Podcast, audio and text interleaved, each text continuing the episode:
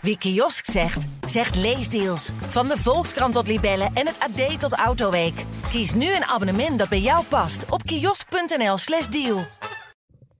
Ik moet zeggen, jullie zijn ook echt creatief. Gegenpressing podcast. Ik heb dat woord nog nooit gehoord. Korte. Dessers. Het zal toch niet? Het zal wel. Dessers. Tegen alle verhouding in. Maakt 7 minuten voor tijd. Edel voor NAC. Het kan 2-2 worden. En het is 2-2 door Lokop. Mister MAC. Manu Garcia slalom naar de 3-1. Oh, de slalom. Wat een goal. Uh, ik ga wel iets drinken, ja. Goedemorgen.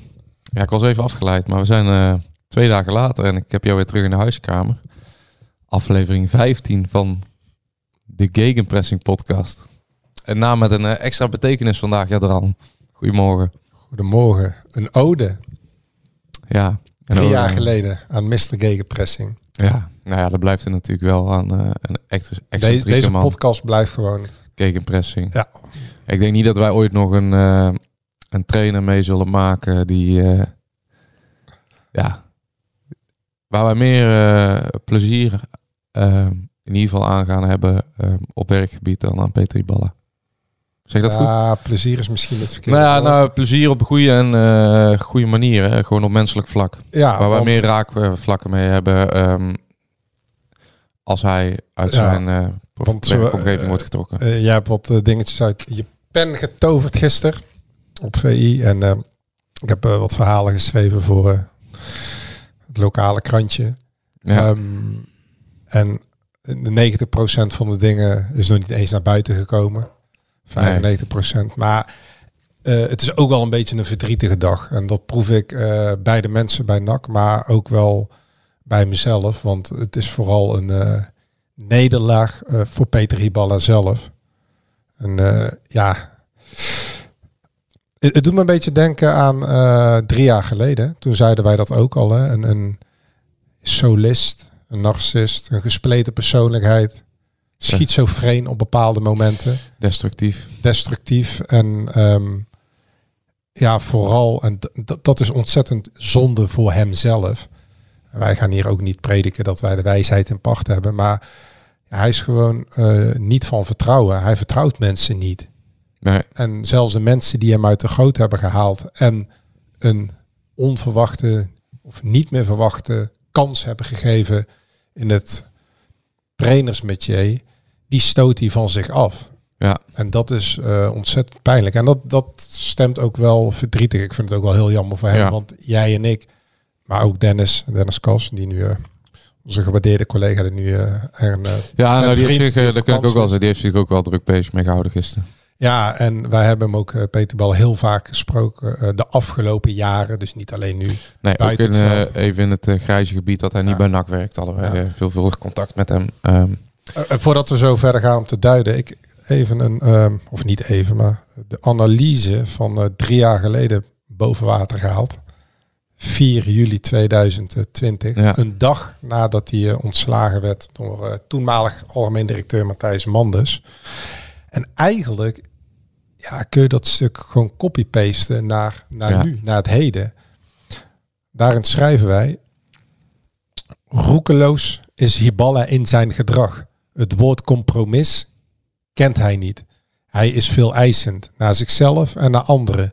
De dagelijkse, de dagelijkse strijdjes die hij voert, het voortdurende gebakkelei met medewerkers, ze voelen allemaal zwaarder aan dan de wedstrijden op het veld. Het mat hem af. Hiballa's gedram bij de Raad van Commissarissen en de algemeen directeur om hem te verlossen van Tom van den Nabelen, destijds TD, zijn eenmansgevechten met de hem negerende technisch manager. Het kostte hypersensitieve solist zijn goede humeur. Het vermoeit hem en tegelijkertijd vermoeit het zijn bazen. De man die leeft op adrenaline en danst, en danst langs de randen van de kliffen is gisteren in de afgrond gevallen.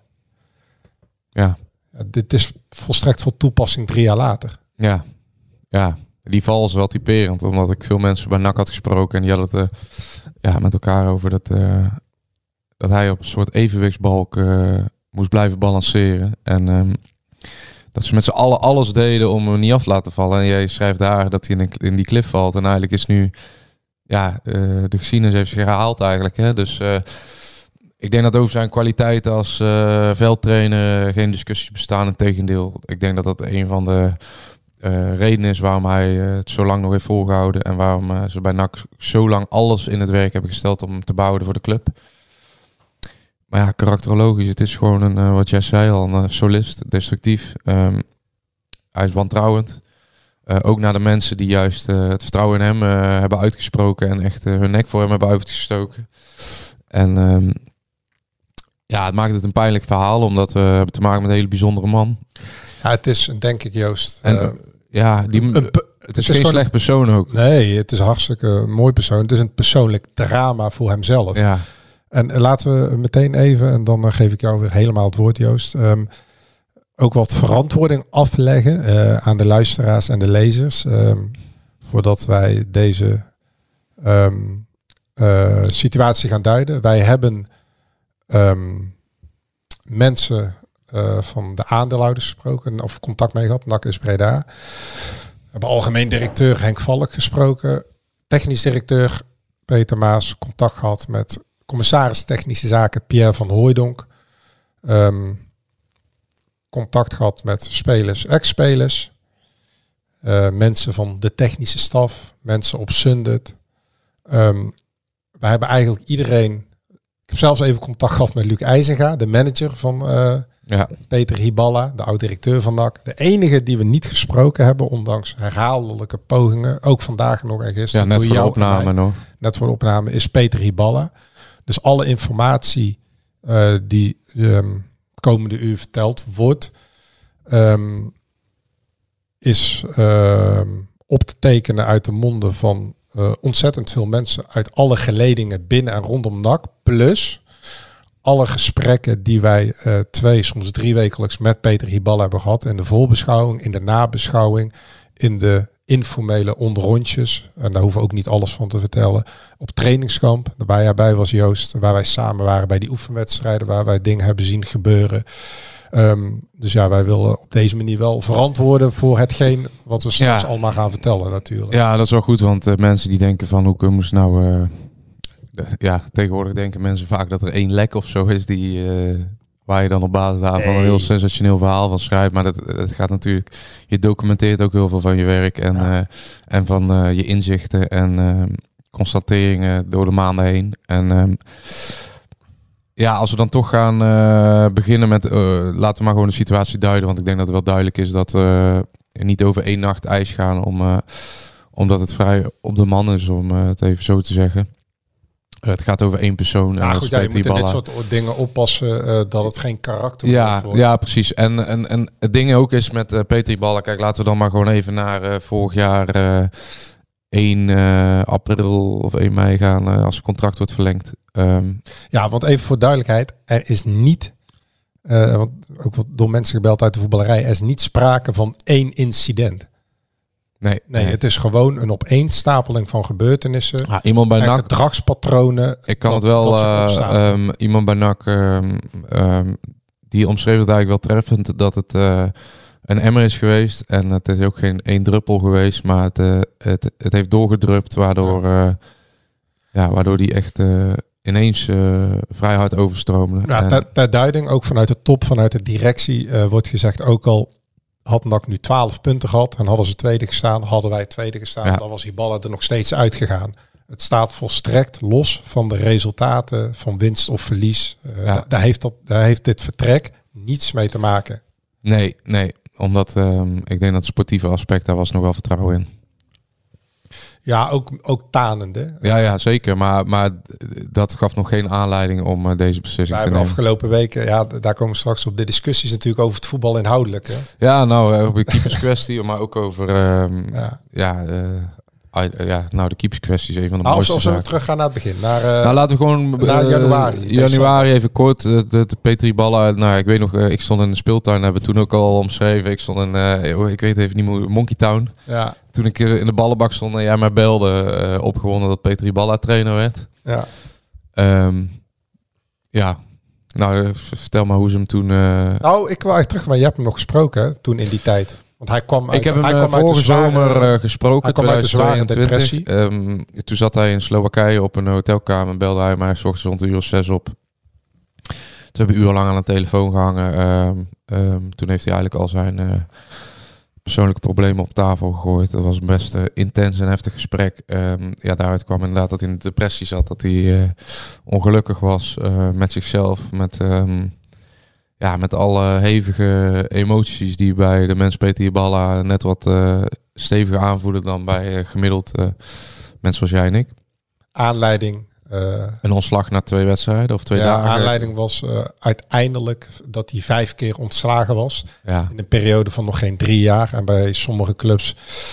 ehm, hij werkte bij Tjeu Laling in de uh, houdbaarheid op dat moment. ja. En ja, hij zei dat de muren op hem afkwamen en dat hij echt psychisch in de goot zat. Nou, dat was eh, heftig. Hij heeft toen aan zichzelf gewerkt. eh, maandenlang eigenlijk. Hij heeft eh, professionele hulp daarin gevonden. Daarom, vonden wij het ook de afgelopen maanden niet altijd even netjes van mensen om dat soort dingen te misbruiken, om zijn karakter te typeren. Nee, juist omdat hij daar heel open over Ja. is. En ik vind het juist heel knap als je over je mentale problemen. eh, hij stelt zich heel kwetsbaar op. Zeker Ja. voor iemand in positie eh, ehm, zoals hij, die in principe altijd in, eh, in, eh, op een wolk van emotie drijft. eh, Ja. En ook nog eens in de voetballerij actief is. Waar 20.000 mensen mening over hem hebben en over een keuze. Dan, Ja. dan is dat gewoon sterk geweest. Ehm, hij kwam ook altijd terug als een ander mens. Ik moet zeggen, bij, voordat we, jij gaat vertellen waarom NAC voor mensen gaan. Kijk, Peter Balla was op dat moment ook een rustige versie van zichzelf. Hè? Dat constateerden wij Ja. ook. Ehm, binnen NAC werd hij ook die Balla 2.0 eh, ge- genoemd. Ze zochten, zoals ze het zelf noemden, de, de verbinder en niet meer de afbreker. En eh, ja, na een paar gesprekken zijn ze eigenlijk overtuigd geraakt dat hij eh, moest gaan komen om de boel op te schudden. Ja, en bij die gesprekken eh, van Pierre van Hooijdonk is de grote voorvechter geweest van zijn komst. met in zijn kielzog Peter Maas, die toen nog in de transitiefase zat, hè, van Heerenveen naar NAC toe. De huidige technisch directeur. Ehm, maar ook ehm, mensen uit het stichtingsbestuur van NAC, het orgaan eh, wat de aandelen beheert en wat boven de toezichthouders zit, boven de raad van commissarissen. Onder andere organisatiedeskundige ehm eh, Schouw- meneer Schouwlakens, die heeft eh, gesprekken gevoerd met Hiballa. Ja, Toon Gerbrands, hè, de adviseur van NAC is Breda, die heeft ook gesprekken gevoerd met eh, Peter Hiballa. En al deze bestuurders uit het, eh, ja, uit de top van de, van de Nederlandse voetballerij of uit het bedrijfsleven, die gaven hun fiat ook voor de komst. Dus eh daar zijn intense en intensieve gesprekken gevoerd met Peter Hiballa om hem als mens eh, ook te doorgronden. Want zijn trainingskwaliteiten zijn niet ter discussie. Hoewel het de laatste week natuurlijk wel een beetje een punt werd. Maar hij zei zelf bij zijn aantreden bij NAC, zijn, tweede, eh, zijn terugkeer. ehm, ik heb vier mental coaches gehad, waarvan ik er twee snel weer heb weggedaan. Maar eh, het was ook een heel heilzame periode vorig jaar voor hem, zei hij. Want hij stelde zichzelf de vraag: hoe krijg ik als mens het plezier in het leven terug? Bij iedere club was steeds hetzelfde verhaal. Fantastische veldtrainer, maar ook die ruziemaker. Dat zei Hiballa begin dit eh, kalenderjaar eh, toen hij terugkwam bij NAC. In een ja, poging tot eh, zelfreflectie en zelfreinigend vermogen. Ja. Maar daar zat ook een disclaimer bij. Want in de laatste zin van dat interview, met een, eh, met een kleine lach, zei hij ook ehm, of hij eh, op de vraag of hij nog zou kunnen terugkeren in zijn oude patroon. Ehm, als het aan mij ligt niet. De fouten uit het verleden maak ik niet meer. Waarop wij vroegen zeker weten. Waarop hij antwoordde, in stresssituaties weet je het nooit. Ik ben geen softie geworden. Ja. Ja. Ja, nou in principe. eh, ehm, ja, waar gaan we naartoe? We gaan eigenlijk toe naar de situatie eh, vier maanden later. Dat eh Pedro Iballa eigenlijk alles heeft gedaan waarvoor hij gehaald is. Hè? Want wij waren ook echt enthousiast over, over de verandering die bij NAC zag. Eh, Het was het benadrukken- leukste voetbal in drie jaar tijd. benadrukken dat hij eh, acht eh, nieuwe spelers had. dat meldde jij toen ook regelmatig aan mij, als ik enthousiast was over hem. Maar ehm, waaronder Oma's van Garbet, Cuco Martina, spelers, van, spelers van een grote klasse. Nou, maar jij zei, dit is het leukste voetbal sinds Hiballa. Dus we hebben drie jaar lang naar niks zitten kijken Zeker in weten. Breda. Vanaf het vertrek van die ballen tot de terugkeer Ja. van die ballen hebben we drie jaar kun je weggooien. Ja, en dat is subjectief natuurlijk. Want Een je hele hebt eh, donkere smaak. periode. Ja, ja, jou- je, hebt ook je kritiek eh, wel eens geuit over het feit dat hij veel tegen de bal speelt. Maar het is ook smaak natuurlijk.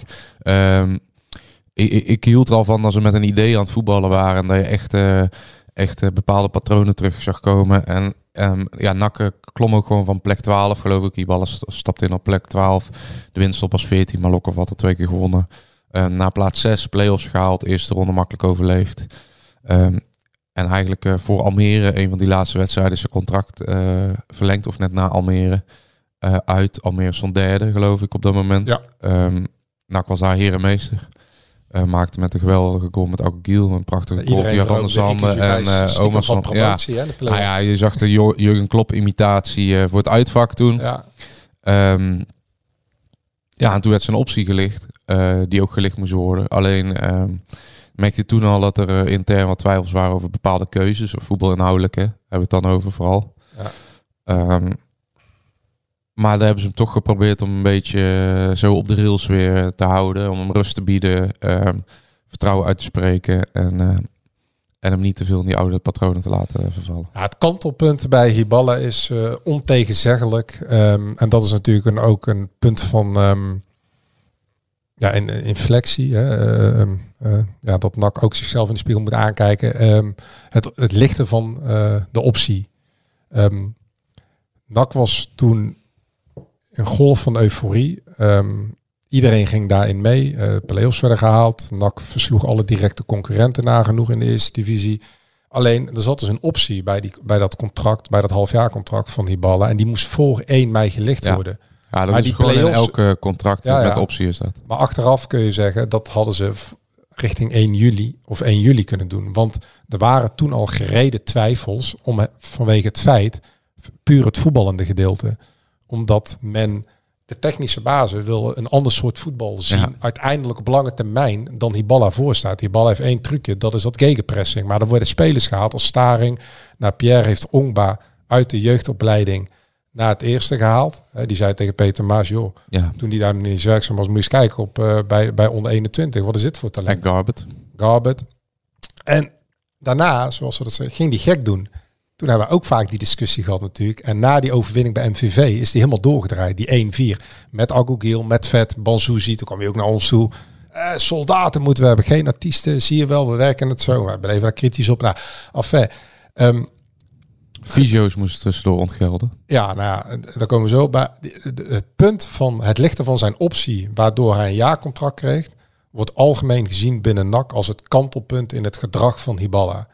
Ja. Dus deze zomer was eh, dag, vanaf dag één dat hij terugkwam van vakantie, ehm, was hij een totaal ander Hiballa dan de Hiballa voordat de optie gelicht werd. Ja, wat kan je nakken daarin eh, verwijten? Dat ze dat niet Nou, doorzien kijk. hebben of dat ze eh, misschien te lichtzinnig hebben gedacht een- over de situatie? Eigenlijk, maar ook vanuit de interne kringen vanuit NAC werd gezegd, ja, we moeten hem verlengen. Want hoe leg je aan je achterban uit dat de man die een club die nagenoeg sportief dood was, 14e, 12e toen hij kwam in de eerste divisie, tot leven heeft gewekt. Met en drang, met, met, met aanvallend voetbal. Er gebeurde van alles. Iedereen zat op het puntje van stoel. Hoe ga je dat uitleggen? Ook nog eens een paar weken voordat de play-offs en promotie beginnen, dat een optie niet gelicht wordt. Ja, dat valt niet uit te leggen. Nee. Als dat wel gebeurt, dus je zou kunnen zeggen, NAC, nou, we weten het nog niet, die ballen. Of ja, contractueel ligt dat vast. Wij lichten jouw optie niet. Wat gaat er dan gebeuren? Dan komt de anarchist in Hiballa naar boven. Ja. Maar dan krijg je natuurlijk een onwerkbare situatie, terwijl die play-offs nog moeten beginnen. Tegelijkertijd zeggen ze bij NAC, ja oké, stel we hadden die optie op 1 juni of op 1 juli, na het seizoen na de play-offs, dan hadden wij nog steeds niet kunnen voorzien dat Hiballa in zijn gedrag en, en zijn doen en laten zo extreem zou veranderen nadat die optie gelicht zou worden. Ja. Ja, het is een moeilijke situatie. Het is allemaal makkelijk om aan de buitenkant eh, Ja. daarover te oordelen. En eh, daar zijn wij ook voor. Alleen, om dat, daar dat- gedegen oordeel over alleen te dat, vellen. is Maar wel, dat is wel een kantelpunt geweest, het lichten van die optie. ja, kijk, uit de boel opgeschud. Je kan, eh, om dan even eh, kritisch eh, te blijven, kan je denken, hij is ook gehaald eh, eh, voor dat opschudden. En eh, ja, dan kan je ook je afvragen of na dat half jaar dat ze misschien hadden voorzien van... ja, dat hele extreme. Misschien eh, eh, wordt het bij ingang van het nieuwe seizoen ehm, ook weer normaal voor die jongens, waardoor dat, eh, dat hele schokeffect er een beetje af is. En ja, dan gaat hij merken dat zijn werkwijze minder aanslaat. Dan wordt hij lastiger worden. Dan wordt het heftig voor de technische staf, voor de medische staf, voor, voor de kok. Ik noem maar wat. Ehm, dus ja, je- ze hadden misschien daar in ieder geval eh, over kunnen discussiëren of dat, eh, of dat een slimme zet was. Eh, maar ja, wat je zegt met die play-offs en de aantocht, met de kans op promotie, met de publieke opinie. ehm, op dat moment was de staf ook nog gewoon op goede voet met de, met de hoofdtrainer. Hè? Sterker nog, die waren zelfs best wel onder de indruk van hem. Maar die liepen met hem weg. Die geloofde in de Hiballa-methodiek. Nou ja, ook onze oude eh, vriend van de show, John Karels, heeft daar wel eens bij ons zelf nog wat over gezegd. Dat hij eh, echt onder de indruk van hem was. Ja, die heeft genoten toen die periode. Dus wat dat betreft ehm, is die keuze om te verlengen eigenlijk wel logisch geweest. Eh, omdat ik denk dat je ook niet alles kan voorzien. En ik denk dat je ook tegen beter weten indenkt. ehm, dat jij iets kan wat een ander niet gelukt is. Ehm, Nou ja, omdat het, omdat het de, de verandering, nogmaals in zijn gedrag, was, ja, 100, het was gewoon 180 graden gedraaid. Vanaf het moment dat hij terugkwam in Ja. de zomer. Ja, ja. En eh, laten we zo wel stellen, bij NAC hebben ze daar ook wel best wel eh, moeite mee. En dan voelen ze dat ook wel als een soort van nederlaag dat, Ja. eh, dat ze hem eh, ergens eh, de grip op hem zijn verloren. Nou, ik denk Dan dat, merk je toch wel echt dat er zit ook wel gewoon een persoonlijke verslagenheid bij sommige mensen binnen ik de denk niet dat NAC de grip op hem is verloren, maar ik denk dat Hij de grip Hiballa zichzelf. ja, de grip op zichzelf is verloren. Hij is Ja. zichzelf kwijtgeraakt. Ja, ja het is, eh, dat is een treurige situatie. Ja, we hebben het natuurlijk gehad over eh, die play-offs. Ehm, nou ja, toen eh, gebeurde natuurlijk al de situatie met Pepijn van der Merbel. Wat een, intern heel slecht is gevallen. Dat Ja. hij... dat een jonge keeper uit de jeugd op de belangrijkste wedstrijd van het seizoen moet gaan keepen. En dat hij gewoon op landelijk tv zegt dat, eh, dat hij de hoge ballen... dan kan je, Nou ja, hij zei kan. toen bij ons in de krant en toen herhaalde hij dat voor ESPN. Ja, En toen werden intern daar vragen over gesteld en hij begreep daar niets van. ja. Dus ja, maar hij is toch niet goed op hoge ja. ballen? Nou, daar hebben wij toen ook een discussie over gevoerd. Ja. Ik heb er nog even op teruggezocht. Dus toen zei ik ook, ja, kijk, voetbal is gewoon... ehm, en eh dan moeten we niet onderschatten, voor sommige spelers voetbal ook voor 50% een mentale sport. En Ja. eh, als je jonge speler in zo'n wedstrijd, dan moet je hem eigenlijk proberen in de luwte te houden. En ja, hij zet hem in de schijnwerpers.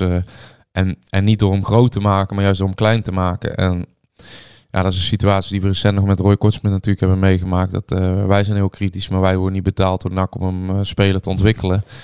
Ehm, maar Roy wordt door de trainer al in aanloop naar Willem II eigenlijk ehm, een beetje in dezelfde trant als Pepijn van der Merbel, bij wie het heel specifiek over een onderdeel van zijn vak ging. Maar nu wordt Roy Kortsmit ook eigenlijk, het gaat niet over hoe goed Tijn Troost is, maar over de, de problemen bij, de, Nou ja. bij, bij Kortsmit. En ja, dat, dat ehm, psychologische aspect van eh, dat, dat kenmerk moet je eigenlijk eh, als goede trainer ook aanvoelen. Dat, eh, dat je op de juiste moment de juiste dingen zegt. Kijk, Roy Kortsmit gaat niet beter van keeper. Nou, bij NAC zijn ze ervan overtuigd dat Roy Kortsmit mindere optredens tegen Willem II bij de tegendoen, maar ook tegen Roda, te danken zijn aan het feit dat die ballen zich publiekelijk uitlaat over eh Kortsmit, troost dat die concurrentiestrijd weer in volle gang is. En hij heeft echt tot de laatste dag, hè, tot het laatste moment getwijfeld voor NAC Willem II of hij troost moest opstellen of niet. Dat wordt Ja. aan alle kanten bevestigd. Ja, hij, hij had, ehm, kijk, laten we zo zeggen, eh Kortsmit gaat daar niet zijn beter van voorbeeld keeper. Jurgen Klopp, die had eh, Troost heel groot gemaakt. En die had positief over Kortsmit gebleven. En hij maakte Kortsmit heel klein, waardoor Troost net zo groot werd. Zonder dat Troost daardoor een vertrouwensboost of zo hoefde te krijgen. Kijk, en, en dat is die situatie met Pijn van de Merbel in de zomer natuurlijk al wat ze ja, niet prettig vonden. Nou, na Emmen ehm, zei hij zelfs dat er bij NAC de, eh, de zaken niet professioneel waren. Ja, bij ESPN zei hij ook. ehm, Bij Dennis zei hij dat volgens mij in het ja, en, ja, klopt. Nou ja, klopt inderdaad. Dat zei hij deze zomer zelfs volgens mij. Of na Emmen. Dat is Na Emmen geloof ik, dat de professionaliteit Hij heeft ook een keer voor de was. camera geroepen dat eh, de fysio's eh, niet goed zijn bij NAC. Ja, En dan intern zei hij eh klote fysio's, ja kut fysio's. Die kunnen, fysio's, die kunnen er eh, allemaal niks ja, van. Ja, ja, ja, dan zeggen we dat nog op een ma- gematigde toon. Ja, Ja, het kan, kan heftig overkomen, denk ik, als je intern... Ah, ik denk als de mensen die NAC een beetje volgen, ook als je bijvoorbeeld de interviews met Garbut er even op naslaat. Eh, dat was eigenlijk na, of niet eigenlijk, dat was na Omerson zijn beste speler vorig seizoen. En daar had hij continu ruzie mee. En dan was hij continu, en terwijl Garbut eigenlijk de- de- bijna dezelfde persoonlijkheid eh, wel op een verbindende manier is als Hiballa. Ja, zijn denken.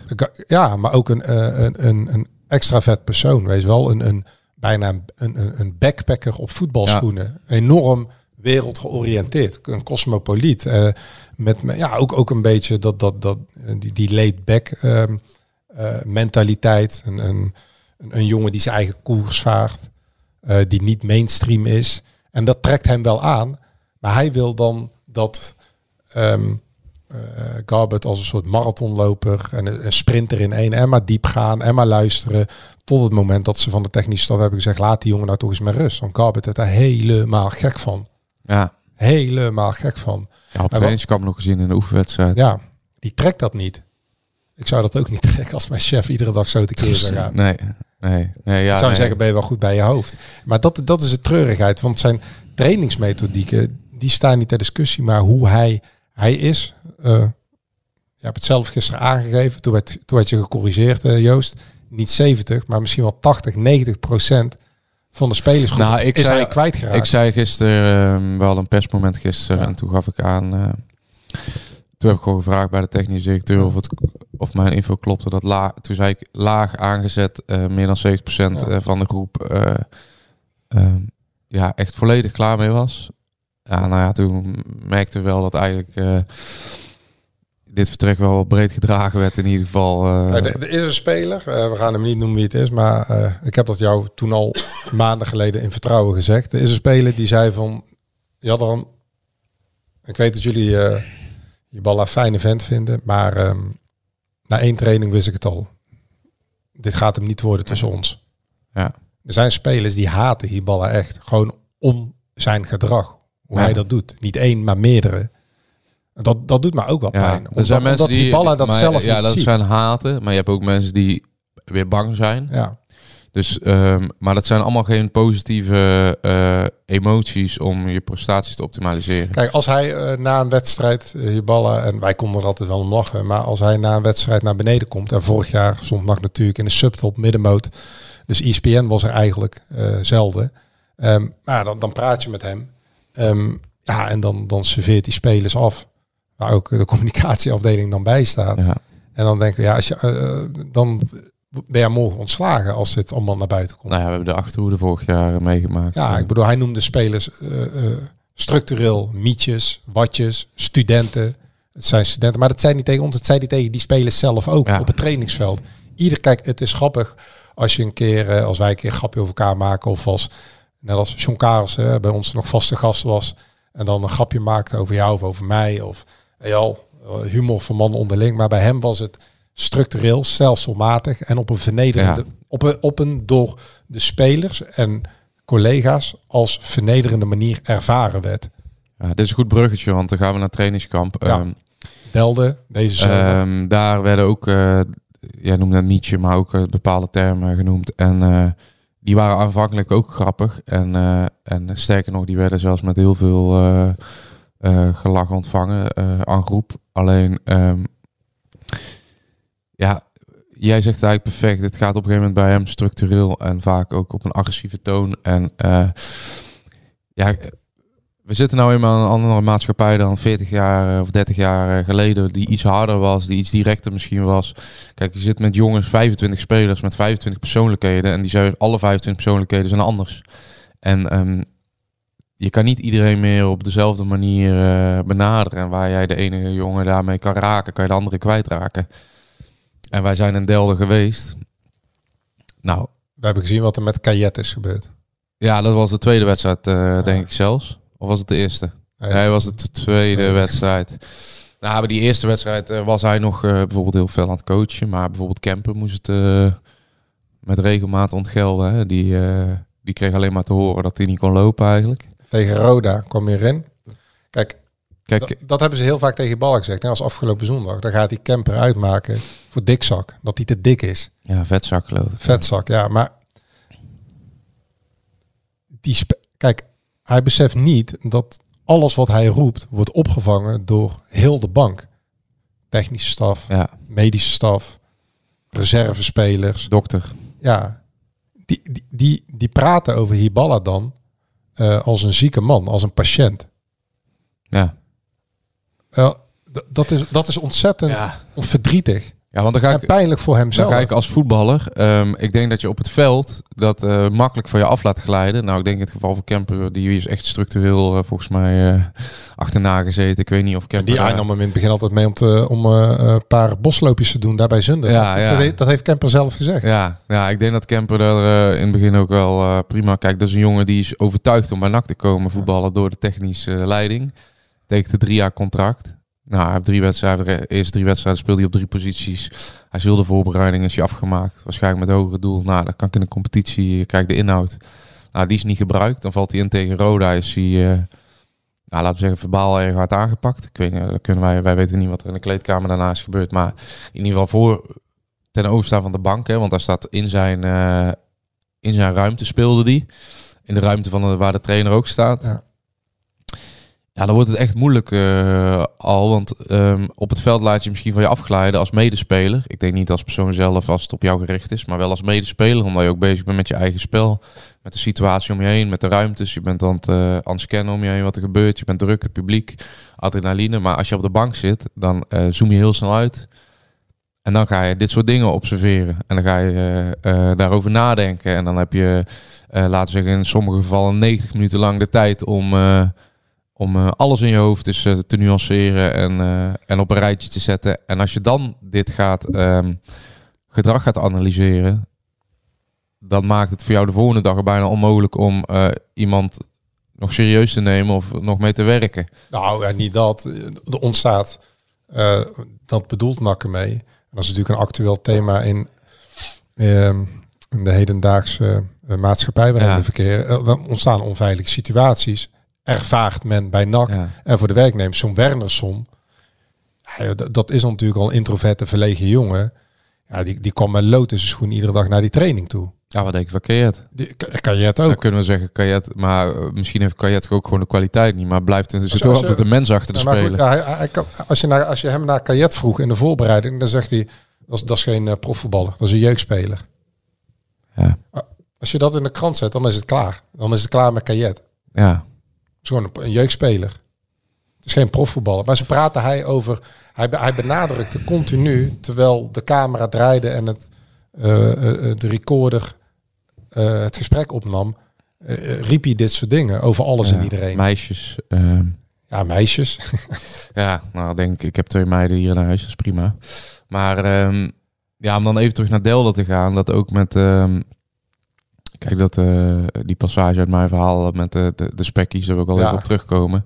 Ehm, want Jort van der Zanden belde mij vanmorgen nog hierover. Eh, kijk, dat gebeurde als een grap. En dat werd ook eh, aanvankelijk als grappig ervaren, maar dat stond symbool voor dingen die later vetzak werden. En, ehm, en, en, en dat mondde uiteindelijk uit in dit soort situaties in wedstrijden met Boy Kemper. Dus dat begint als een iets ludieks. En eh, ik weet ook zeker dat hij dat op dat moment niet doet om iemand te kwetsen.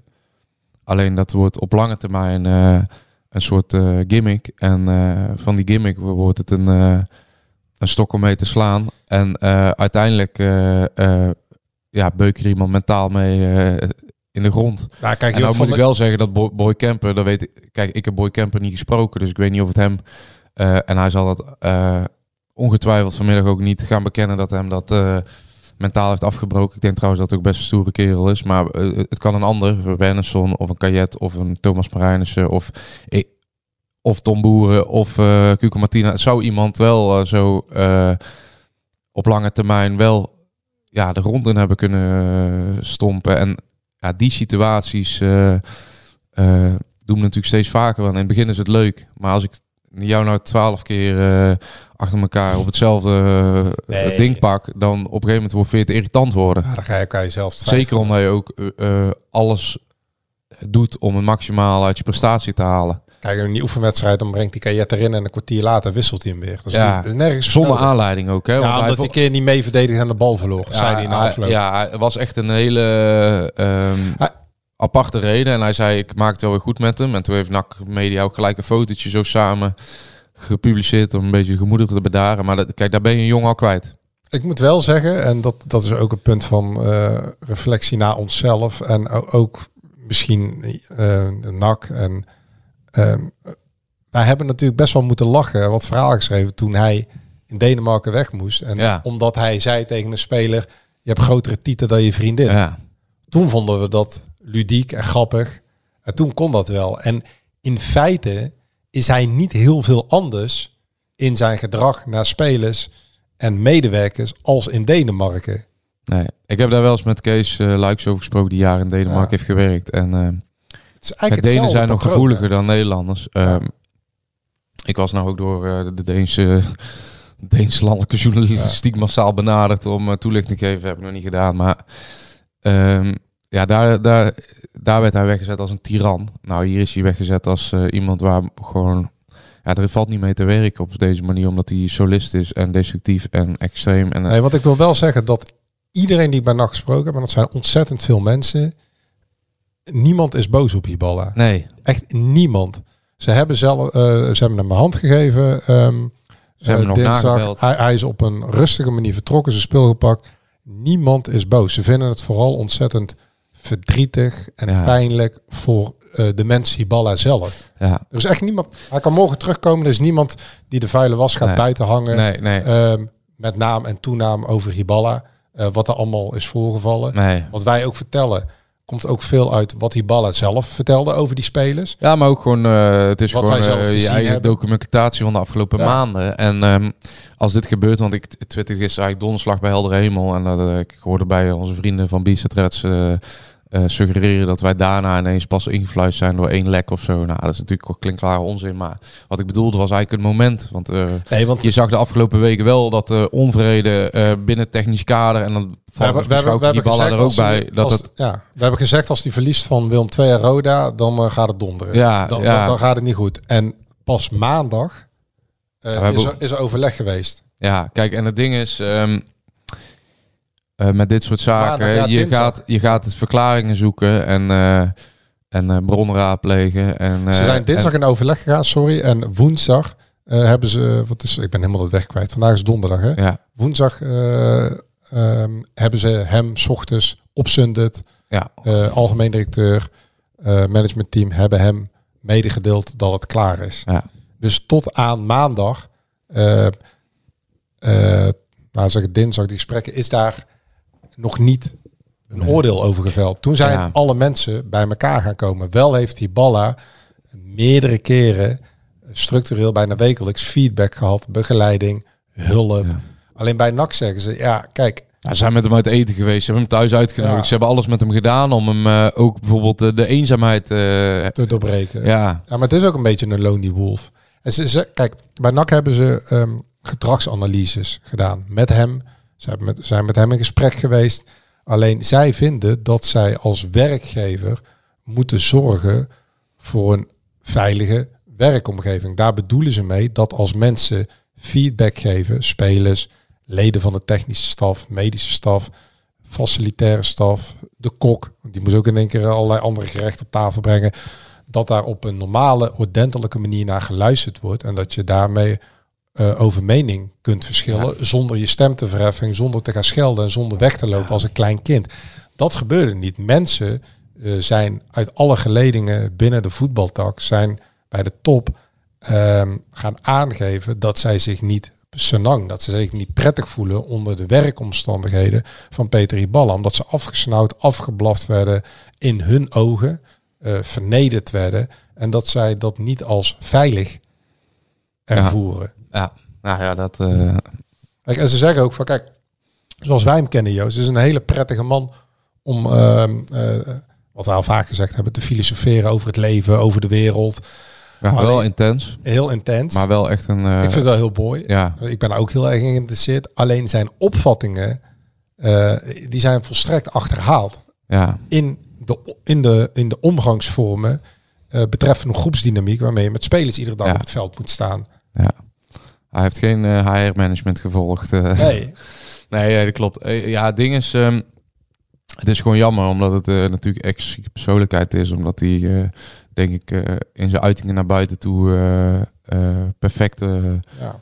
het nachtpubliek eh, kon enthousiasmeren, belichamen maar bijna. de schermen maar zijn, de schermen zijn niet ontvankelijk voor kritiek. Nee, en laten we en zo- mensen die moeten, die durft op een gegeven moment niet meer om hun mening te geven. Ja, Nou, als, je, als je dat niet meer durft, dan zit je natuurlijk, eh, eh, dan gaat het natuurlijk niet goed Ja. binnen je organisatie. Maar laten we zo stellen dat een hoofdtrainer is tegenwoordig eh, verantwoordelijk voor 40 tot 45 eh, mensen. Ehm, je moet ook een soort van managementcapaciteit hebben daarin. En dan moet je met alle personen samenwerken om het maximaal als geheel eruit te halen. En ja, dat is bij hem onmogelijk. Omdat op het moment dat je tegengas gaat bieden, of eh, een klein beetje tegenwind eh, blaast, dan eh, gaat hij je wantrouwen. En dan gaat hij ook extreem worden. Nou ja, kijk, de dingen bijvoorbeeld met de tegengas is natuurlijk dat zij eh, op trainingskamp, eh, op het moment dat er gesuggereerd wordt de vrije middag, dat ze extra lang en hard gaan trainen. Ja. Dan voelt hij al een soort van wantrouwen. Dus hij voelt het als wantrouwen als, er, als de staf iets inbrengt. Collectief. Maar kijk, eigenlijk hebben wij als lokale media ook een rol gespeeld de laatste week in, in, in het afscheid, al is die maar marginaal. Bij NAC vallen ze erover en ehm, ehm, de mensen die daar leiding aan geven, in het breedste zin van het woord, dat de trainer eh, in de krant eh, openlijk zijn twijfels heeft over Kortsmit en die discussie aanwakkert met Troost. Ze vallen erover ehm, dat hij zegt dat het middenveld te langzaam is, dat Wernersson moe is, dat spelers niet fit zijn, ehm, eh, dat er aankopen moeten komen. Ehm, ehm, dat heeft hij de afgelopen dagen allemaal gezegd. Dat niet hij nu zoekende is, maar dat de spelers zoekende zijn. Dat heeft hij tegen ons verteld, dat heeft hij bij ESPN verteld. Dus, maar hij vindt dat hij dat allemaal kan en moet kunnen zeggen. Eh, binnen die organisatie vindt men dat je dat intern maar, eh, houdt.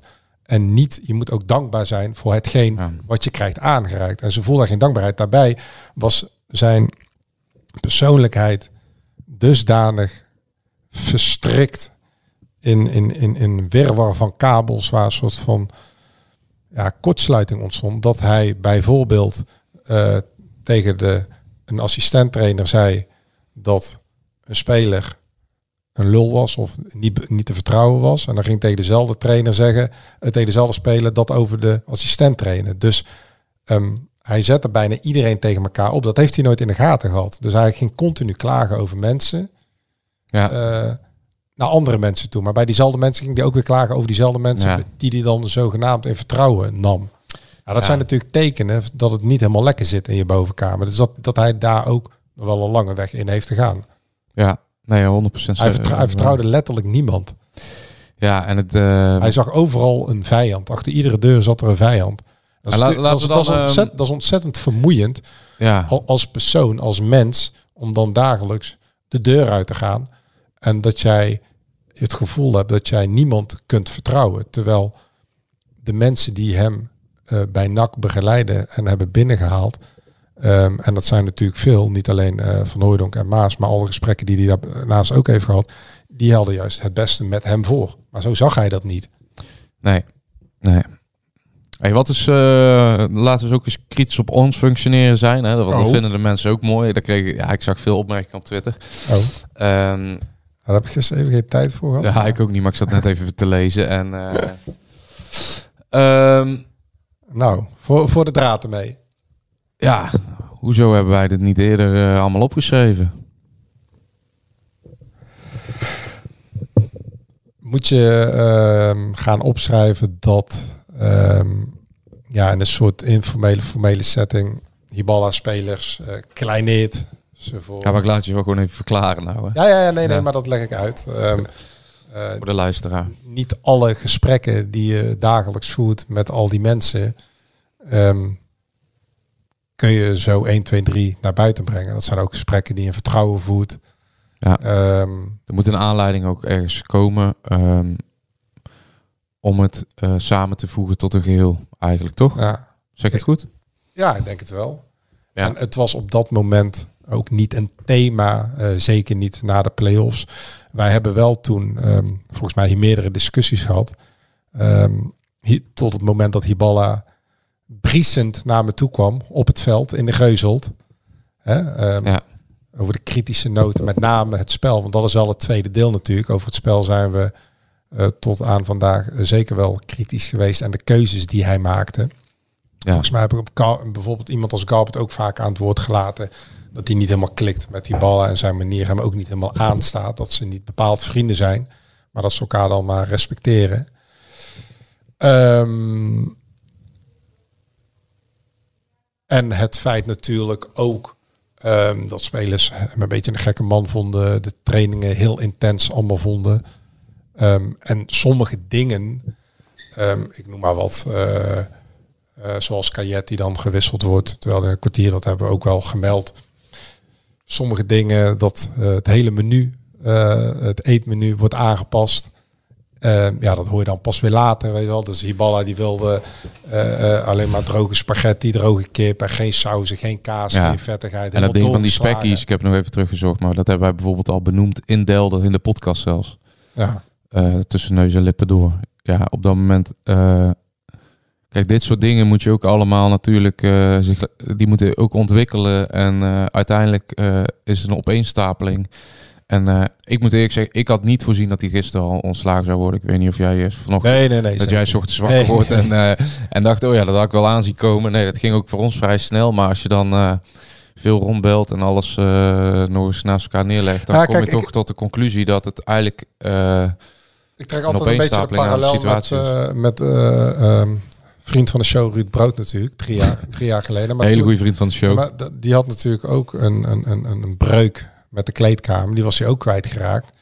En eh, die, die eh, verlaagde zich richting zijn assistent, die hij als een vriend beschouwde, tot zeer bedenkelijke opmerkingen, waar we Ja. ook allemaal bij waren. Dus jullie overleggen vrede bedoel je? Ja, hè, en dan op zijn huidskleur. En waar blijft hij? eh, waar blijft hij? ja, ja. piep, piep, piep, piep.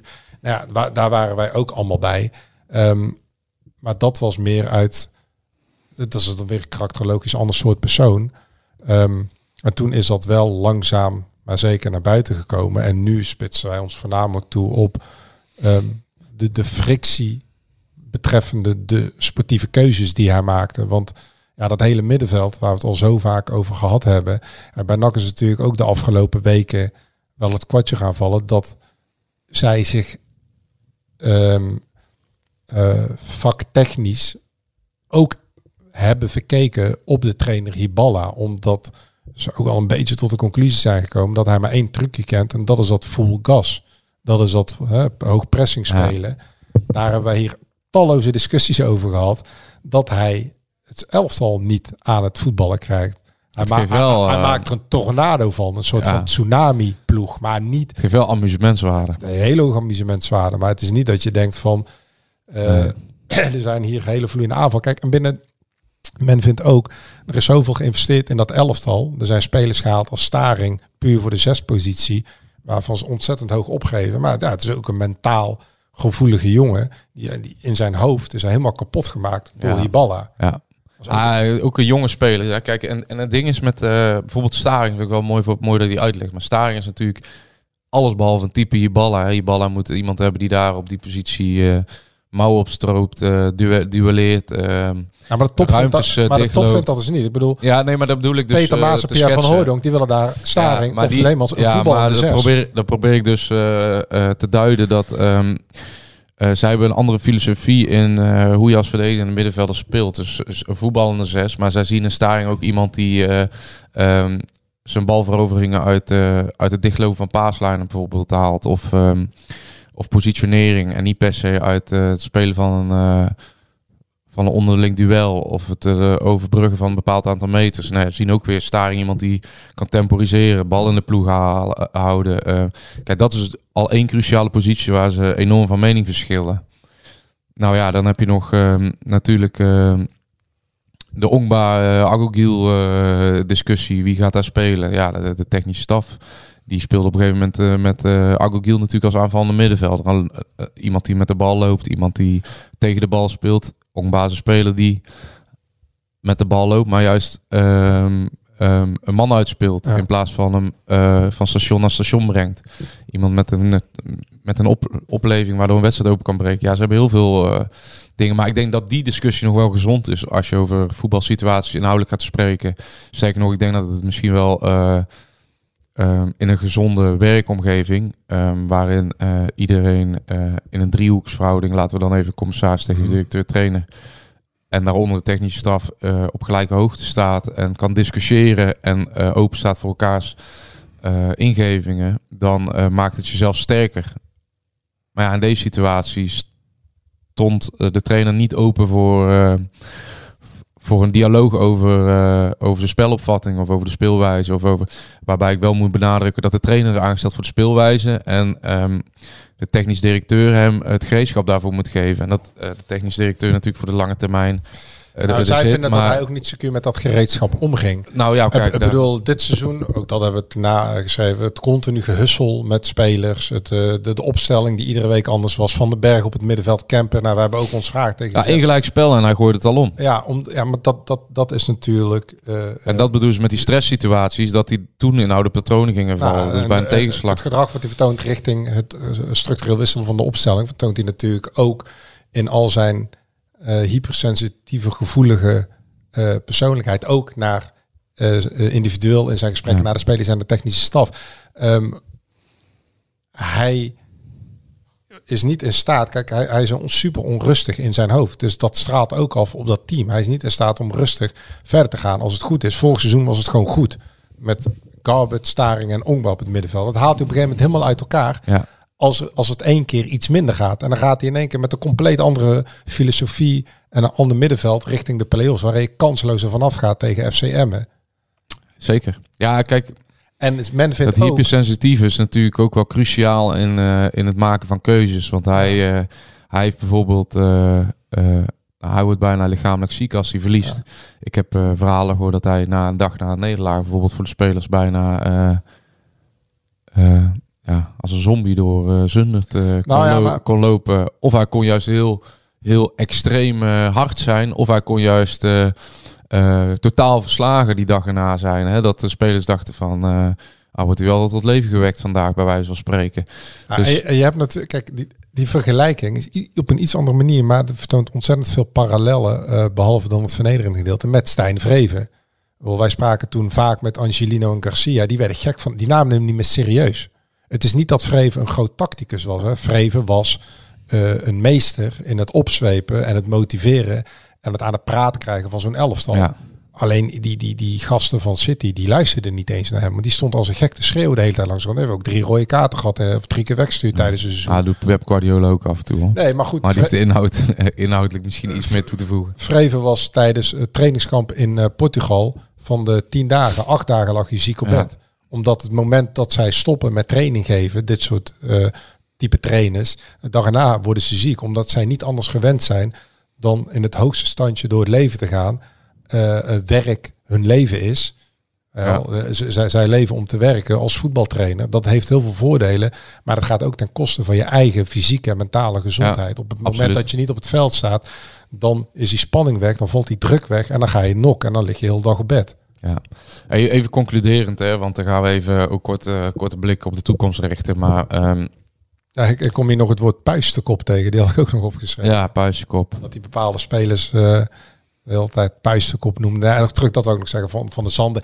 Ja, ik kan er wel om lachen, want die, die noemde die altijd Garfield. Hij, oh ja, dat maar Van der Zanden is ook niet eh, door die situatie vertrokken, even voor Nee, duidelijkheid. dat weet ik. Die is ook niet per se door de trainer vertrokken. Die is door de hele eh, gang van zaken ook boven in de club. En eh, die merkte ook dat de spanning tussen hem en de, en de, de club groeide. En, ja, hier ben ik het helemaal mee eens. Van de Zanden voelde aan dat die tweede keuze werd. En die ja, ja. weg. Nee, maar er, was, er ontstond ook een spanning. Dus, Ja. dus de club Maar Van der Zanden was al niet blij in de winterstop toen Boeren en Omerson kwamen. Want dan liep hij ook allemaal te verkondigen op de training. En nu ziet hij wat er gebeurt. En Ja, hij, hij maar dat, dat is toch die spanning die Ja, dan ja, ontstaat. Maar Hauke, eh, Hauke is een klasse beter dan Van der Zanden. Dus. Van der Zanden die kijkt, is een slimme, intelligente jongen. Die denkt van ja, dit gaat hem niet worden. En dat staat even los van de hele situatie. Want Ja. we hebben ook veel contact gehad. Nee, met maar even ter, het verduidelijken Ja, dat hij niet per se is weggepest door die ballen. Maar dat het wel een voorbeeld is van de situatie die ontstaat. Van der Zanden is een bijzonder intelligente jongen, wat dat betreft. En ook op de open dag, hè, weet je wel, eh, dat hij liet vallen, misschien naar Willem II of niet, grapjes. Dat is ook allemaal niet zo heel goed gevallen. Ja. Het is ook niet dat Van der Zanden een heilige hierin is. Hè? Nee, natuurlijk niet. Maar het is wel Ik heb dan meer te eh, doen met jongens als Wernersson, Kajet. Ja, nou ja. Van der Zanden heeft de oplossing gevonden. Ehm,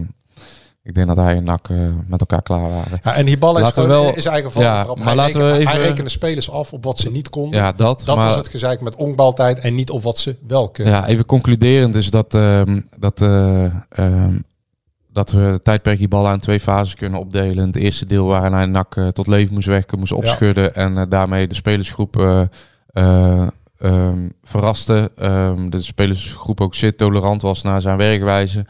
Het oppakte, hij kreeg een paar goede spelers bij. En hij, ja, hij gaf NAC weer wat een blosje op de wangen. Ehm, en het tweede deel is na de contractverlenging dat hij... ja, zichzelf helaas verloren. En dat NAC Ja. eh, met hangen en wurgen, met sleuren en trekken, alles heeft gedaan om hem op de rails te houden. En dat hij van die EVX-balk is gevallen. En dat eh, dat, dat eh, binnen de club, eh, eh, dat mensen zichzelf dat aanrekenen ook. Dat is ook eh, wel duidelijk hoor. Dat heb ik wel eh, gemerkt, dat veel mensen dat eh, zelf ook wel eh, als een persoonlijke nederlaag beschouwen. Ehm, maar dat het, eh, het kon niet meer verder. En Resume, maandag kwamen de eh, eerste signalen. Dinsdag pas is iedereen echt met elkaar in gesprek gegaan. ja, Eh, dinsdag kan je nagaan hoe snel dit is gegaan. En eh, woensdagochtend is Hiballa verteld, ja, ehm, ja. het is klaar. Ja, dat Hij is snel gegaan, maar hij heeft natuurlijk eh, heel veel eh, Ja, feedback en en, dat, eh, en en, eh, NAC heeft ook gewoon een dossier opgebouwd Ja, van, eh, van eh, gesprekken. En, eh, En het, eh, als je het ook nog over één druppel hebt, dat heb jij al beschreven. Eh, het was alleen volgens mij niet de dag voor de wedstrijd. maar nee, twee dagen voor de Ja, wedstrijd. twee dagen voor de wedstrijd. Stond de training gepland voor een uurtje. Hiballa vond het al vreselijk eh, op instigatie van Ton Lokhoff en John Karelsen dat na de overwinning eh, op Willem II, een dag waarin vrij heel de stad eh, uitliep en wij ook dit meedeelden in de euforie, ehm, dat hij de spelers een dagje vrij had gegeven, wat volgens mij ook wel een keer kan toch? En dan een beloning, dan doet die spelers ook weer wat voor je terug. Ehm, maar daar was hij het niet mee eens. En precies wat jij schreef, Joost, recalcitrant als hij is, bijna recidivistisch recalcitrant. Ehm, in plaats van een uurtje te trainen, ging hij in de, in de hitte, 30 Ja. graden in de brandende zon, 2,5 uur vol gas, waardoor die spelers afgemat aan de aftrap verschenen tegen Rode JC. Ja, ja, en dan zeggen mensen, ja, wij werken acht uur, maar fysiologisch eh, is het eh, ja, eigenlijk bijna onverantwoord om eh, zo lang in die hitte Maar boven alles, ik, dit is intensief te Dit trainen. is zeker geen eh, ehm, afrekening. Dit is een tegendeel. Dit is meer hoe we proberen te duiden wat er gebeurd is Ja. rondom het ontslag Hoe de van trein op Hiballa. sport is eigenlijk. Ja, nogmaals, niks met zijn prestaties. En eh, zeker bij Hiballa voel ik, eh, en niet omdat men bij NAC dit als een eh, verlies ervaart, maar ja, ik, ik mag Hiballa heel graag als mens. Ja, voor mij idem dito. En ik heb fantastisch mooie gesprekken gehad de afgelopen jaren. En ik hoop ook in de toekomst met hem. Alleen het is ontzettend zonde. En ik, geld dat dat, ik denk dat dat voor ieder individu op deze planeet is. Als je niet in staat bent om te verbinden. En ehm, als je ja, sociaal, emotioneel eh, dat, dat, dat, dat hele component niet ontwikkeld hebt. ehm, dat, dat, dat je dan krijgt wat je nu hebt. Hij doet zichzelf. Ik bedoel, je bent hier maar één keer op deze wereld. En je doet jezelf zo enorm tekort om je Ja. eigen persoonlijke ik niet te ontwikkelen. En ehm, op een leuke, gezellige, fijne manier allemaal met elkaar om te gaan. Bedoel, Ja, want hij is dat ook onmiskenbaar wel. ook eh, ontzettend eh, talentvol in eh, veel opzichten. Ja, en het is een paradijsvogel. Ja. We hebben ontzettend veel gelachen en veel gepraat over het reizen, over het leven, over wat er allemaal in bolken omgaat.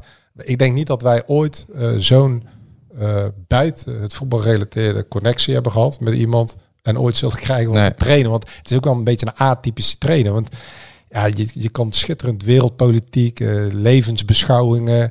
eh, soms houdt hij er wat rare ideeën op na. Tegelijkertijd kun je zeggen, ja, wat, wat hij raar vindt, vinden wij normaal. Wat wij Ja. normaal vinden, vindt hij misschien raar. Ik bedoel, daar kunnen we discussiëren.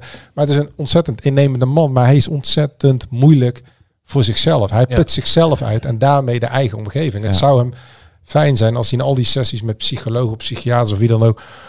misschien wel teruggaat naar, weet ik veel, zijn jeugd... en, gaat, en dat hele emotionele component gaat ontwikkelen. Waardoor hij wel kan verbinden en wel mensen in vertrouwen kan nemen. Ja, helemaal mee eens. Ehm, Oh, en we kregen nog een appje van een van de aandeelhouders. Die waren een beetje boos. Omdat we hadden geschreven dat het het tweede ontslag is binnen negen maanden in het nieuwe tijdperk. Van NAC is Breda, Molenaar in december en Hiballa Ja. nu. Feit. Eh, dat, dat is een feit, dat klopt. Alleen zij willen daar niet aan verbonden worden. Zo hadden wat contact. Zei, ja, maar het is een vaststaand gegeven dat dit wel nu gebeurt. Ja, maar wij hebben nul inspraak. Dus laat even gezegd hebben namens NAC is Breda. Zij hebben geen inspraak. Ehm, zij verwijzen naar het vorige aandeelhouderstijdperk, deel 1, dat hè, eh, zij wel inspraak hadden. Even onze rekening, dat was Wim van Aalst over het algemeen, hè, de grote aandeelhouder. Maar de vijf die er nu zitten, of tenminste die de club overgenomen hebben en daarmee Die hebben gewoon een mandaat gegeven. Hè? nou Die ja, zijn- daarnaast hebben ze hun eh, juridische zeggenschap, hè, zeggenschap afgestaan ja. aan stichtingsbestuur. En daaronder valt, die hebben al deze beslissingen ook met de komst en met het vertrek van die ballen. Dus zij trekken de handen vanaf. Maar ja, god, ehm, wij noemen het het tijdperk, het tweede aandeelhouderstijdperk, het tijdperk NAC is Breda.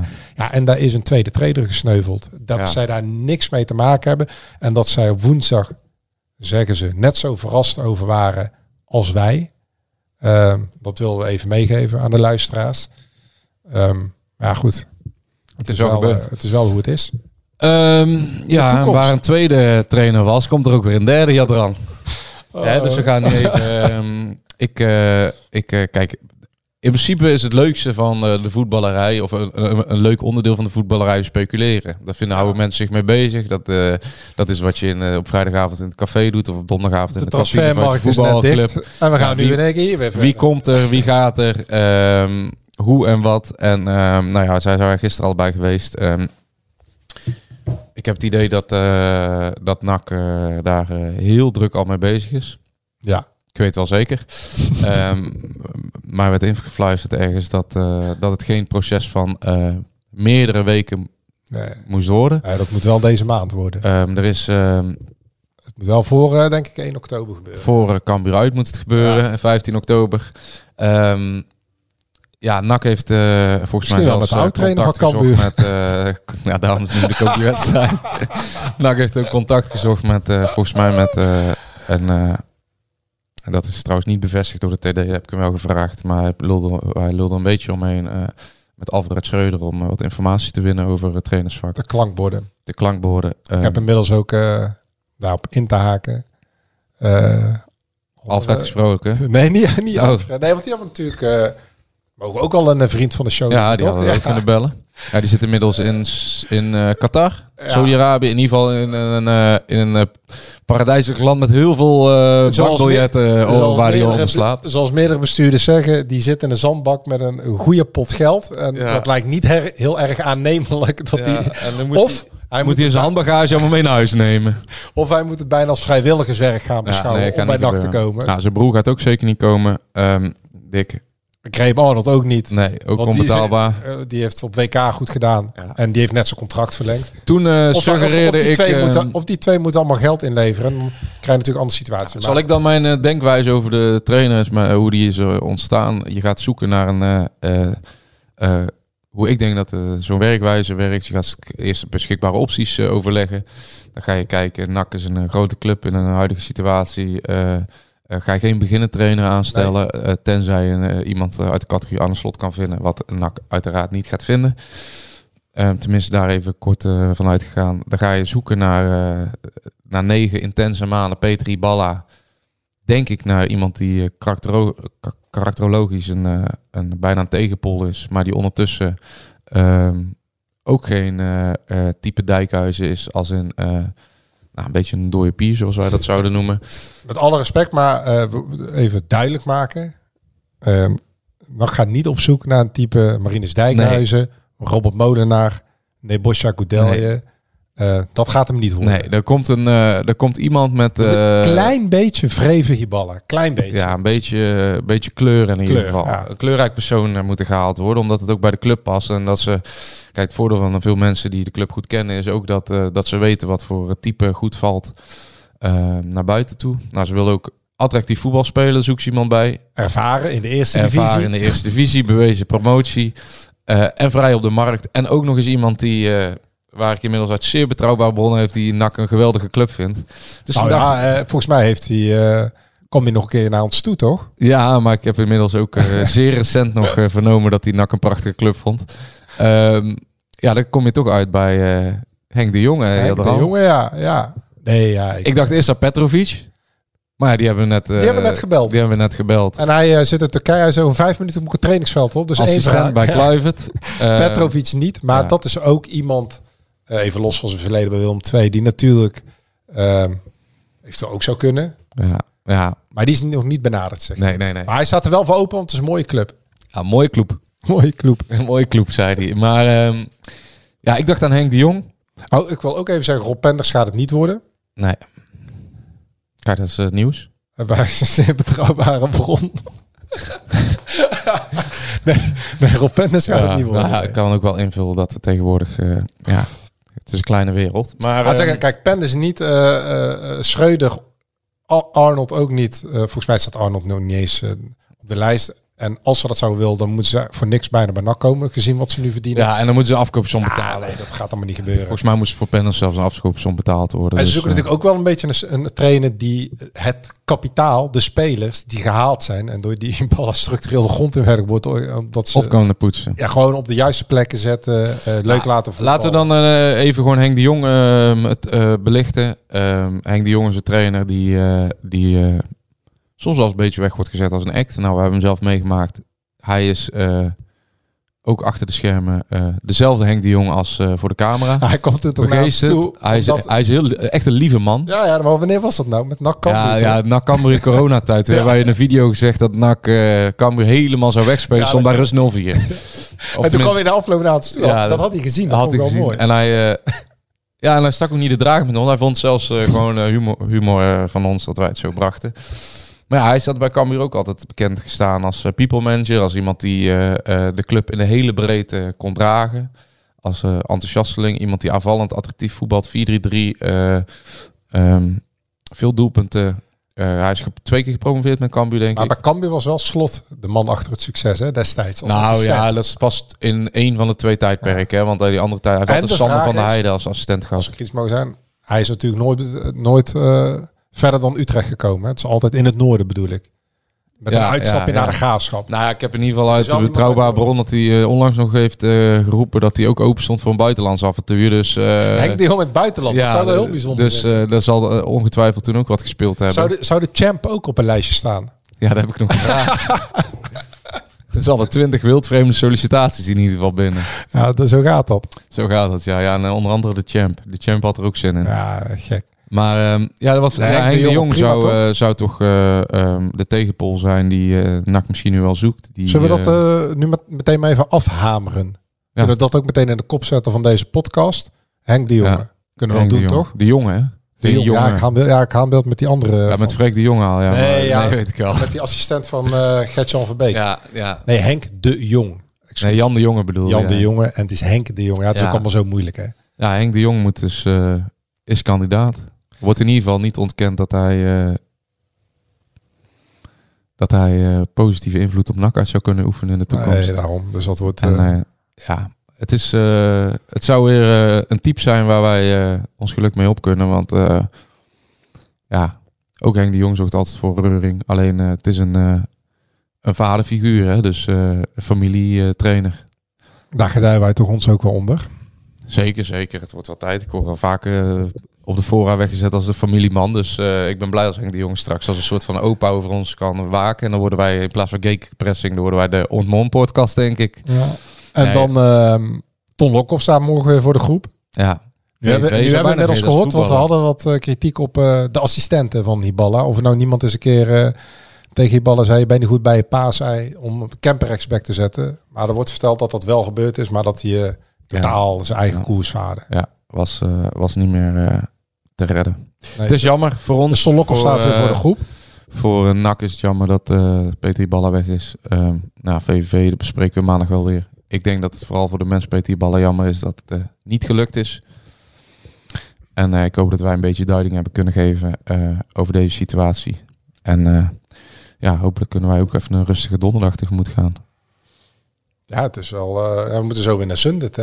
Er wordt morgen gewoon weer gevoetbald. Het eh, lopende bandwerk is het deze Ja. week, maar We eh, moeten eigenlijk even kijken, hoe zou het met Koeko zijn? Derde keer uitgevallen, Joost. ja, met Koeko. Zou het nu wel dat hij de weken uit ligt? Of zou het nu weer wonderbaarlijk Nou ja, genezen? ik denk dat ze nu ineens twee dagen heel rustig getraind hebben. Een beetje compensatie. Hoe zou het met Kortsmit zijn en Troost? Ja, Ik denk nu dat Kortsmit gewoon keept. Dus nou denk ik ook dat Kortsmit keept.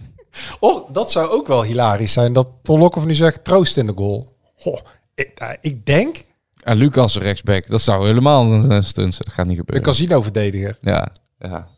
Ja, nee, de, eh, een trainer zal ongetwijfeld eh, een accent aanpassen. Ehm, maar ik denk niet dat Ton Lokhoff heel veel gaat wijzigen. Want het zou een beetje apart zijn in de wetenschap dat er ook een nieuwe trainer op komst is. Zou Ton Lokhoff ook zeggen dat spelers Lokhoff fit moeten worden? Nou, dan staat er een kratje bier in de kleedkamer straks. Nee, ja. ja.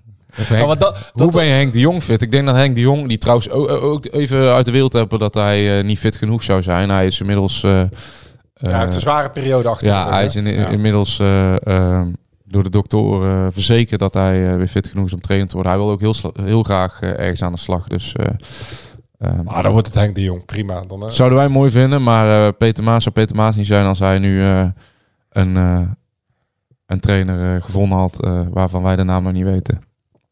Het is wel, dat schiet me, ja, dat- moet ook, dat schiet me even nog even te binnen. Krijg je in zo'n ongestructureerde show, die redelijk gestructureerd loopt. Zou ik wel zeggen. Nee, maar het waren dus ehm, in de zomer, waren ze, hebben ze dus ook gesprekken gevoerd met spelers. Daar moet ik even aan denken, omdat jij dat zegt, uit Denemarken. Maar die wilden pertinent niet komen vanwege Hiballa. Tja, En iemand als Patrick Joosten, daar hebben ze mee gesproken. ja. Maar die kende weer de verhalen van International Danjuma. Ja, maar ja. NEC. En die ging zitten met, eh met die ballen ook. En zei, ja, ik kom niet naar NAC. ja, maar ik moet wel zeggen dat het eh, bij elke trainer natuurlijk eh, ik, maar meemaakt dat- dat, dat het klikken niet is. Dat zijn voorbeeld. En hij had natuurlijk altijd over Hiballa fit. En dan zo'n jongen als eh, Roy Kuipers, die kwam eraan. En dan vroeg je dat ze, ja, die is die is niet Hiballa fit. Dat kan weken duren. Dus ja, weet je wel. Ik hoop voor Hiballa dat hij zichzelf weer gaat vinden. Ja, Dat hij de duivel... Misschien moet hij eens een keer een, ehm, een rituele, spirituele reis gaan ondernemen. Even weg van alles. een uh, iOS-trip uh, Ja, zo, terug ja. op de wereld. eh, Ja, gewoon even een paar weken en dan een soort van. eh, We hebben nog een gezegd, soort- we hebben in de- duivelverdrijving. We hebben nog in de, in de podcast eh, titel zelfs eh, gezegd dat, hij, dat we hem eh, een retret van een paar dagen gunden. Ja. Nou, toen hebben we niet gedacht dat het een definitieve retret zou worden, maar ja. Ja, het is een pijnlijk verhaal en eh, laten we hopen dat Peter Hiballa, huisje eh, zichzelf... Had net een ja, huisje eh, Boeienmeerhof van eh, Anselmo overgenomen. Ja, dan gaat hij weer. ja, ja, het is een treurig verhaal, maar ehm, ook van NAC eh, breekt er weer een nieuw tijdperk aan. En ik, eh, ik heb het idee dat er genoeg kwaliteit binnen de selectie is om nog eh, sportief eh, mee te gaan doen dit jaar. Dus eh, we zijn pas vijf wedstrijden onderweg. En eh, de bladeren zijn nog niet van de bomen gevallen, las ik net. Er is alweer zoveel gebeurd dat... En normaal, er was een tijd dat vier, vijf jaar lang in oktober ieder jaar de trainer werd ontslagen. Heb jij nou gisteren ook een, als je nou zo'n werkdag afsluit, ga, kan je dan, ga je dan naar bed of wat ga je dan eigenlijk doen? Want in principe zit je 16 uur achter elkaar sta je aan. Ja, het was eigenlijk Dat vanaf, zou Harry BD heel normaal vinden, maar een normaal leven zou dat, is dat ook behoorlijk lang? nou, vanaf acht uur tot ehm, ja, bijna tien uur aan. Want daarna Ja. ga je... Nou, ik was middernacht klaar, dus Ja, eh, Daarna ga je natuurlijk nog meer bellen en bellen en bellen. En het is ook niet dat je die stuk allemaal eh, even... Je moet even wat dingen verifiëren, bellen. Moest nog naar het stadion voor het interview.